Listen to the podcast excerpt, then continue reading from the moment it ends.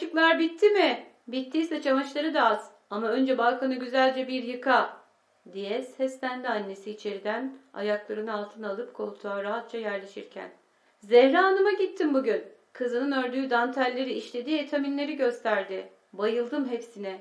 Nerede sende o marifet? En son başladığın sehpa örtüsü bir sıra yapılmış duruyor. Kim bilir ne zaman bitirirsin. Okuyup da profesör mü olacaksın? Otur evde güzel güzel çeyizini tamamla. Annesi söylenmeye devam ediyordu. Onun aklındaysa yarına yapılacak ödevleri vardı.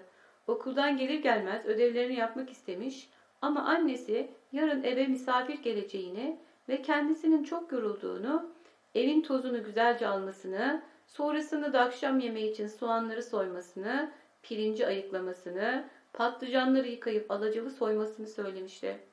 Çorbayı karıştırırken de Bahriye Hanım'ın kızının evleneceği damat adayının sahip olduğu beyaz eşya dükkanını anlata anlata bitiremiyordu. Nihayet yemek faslı bitmişti. Annesinin son sıraladığı görevler de yerine getirilmişti. Artık ödevlerini yapmaya sıra gelmişti. Fakat göz kapaklarıyla bir mücadele başlamıştı. Israrla kapanmak istiyorlardı. Banyoya gitti, yüzünü soğuk suyla birkaç defa yıkadı. Edebiyat, tarih ve matematik ödevleri vardı yarına yetişmesi gereken. Masanın başına geçti. Bütün gücünü toplayarak çantasından kitaplarını çıkardı. Okula gitmek için evden ayrıldığında dışarının karanlığından ürkmüştü. Bu kadar karanlık bir sabah hatırlamıyordu. Neredeyse gece gibiydi. Daha birkaç adım atmamıştı ki gökyüzünü ikiye ayırır gibi bir hat çizerek çimşek çakmış, ardından da yürekleri hoplatan bir gürültü duyulmuştu. Adımlarını daha da hızlandırdı. O ana kadar telaşından fark edememişti ama etrafta bir gariplik vardı. Sağına soluna bakındı, kimsecikler yoktu. Yağmur yüzünden olmalı diye düşündü.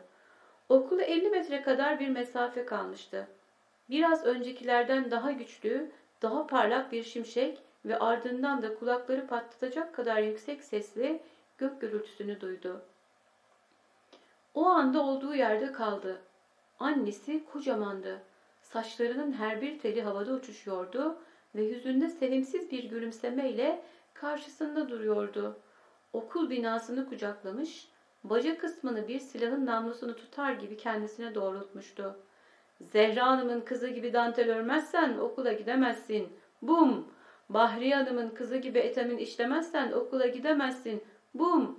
Okul binasının bacasından dantel iplikleri, örgü şişleri, tığlar, renkli etamin yumakları yağmur gibi üzerine yağmaya başladı. Kendisini korumak için ellerini başının üstüne kapattı. Annesi konuşmaya ve silahını ateşlemeye devam ediyordu. Zehra'nın damadı gibi bir damat bulamadın. Bum! Bundan nasıl kurtulacağını düşünürken bir şimşek daha çaktı. Gök gürledi. Yere düşen kitap ayağına değince endişe içinde gözlerini açtı.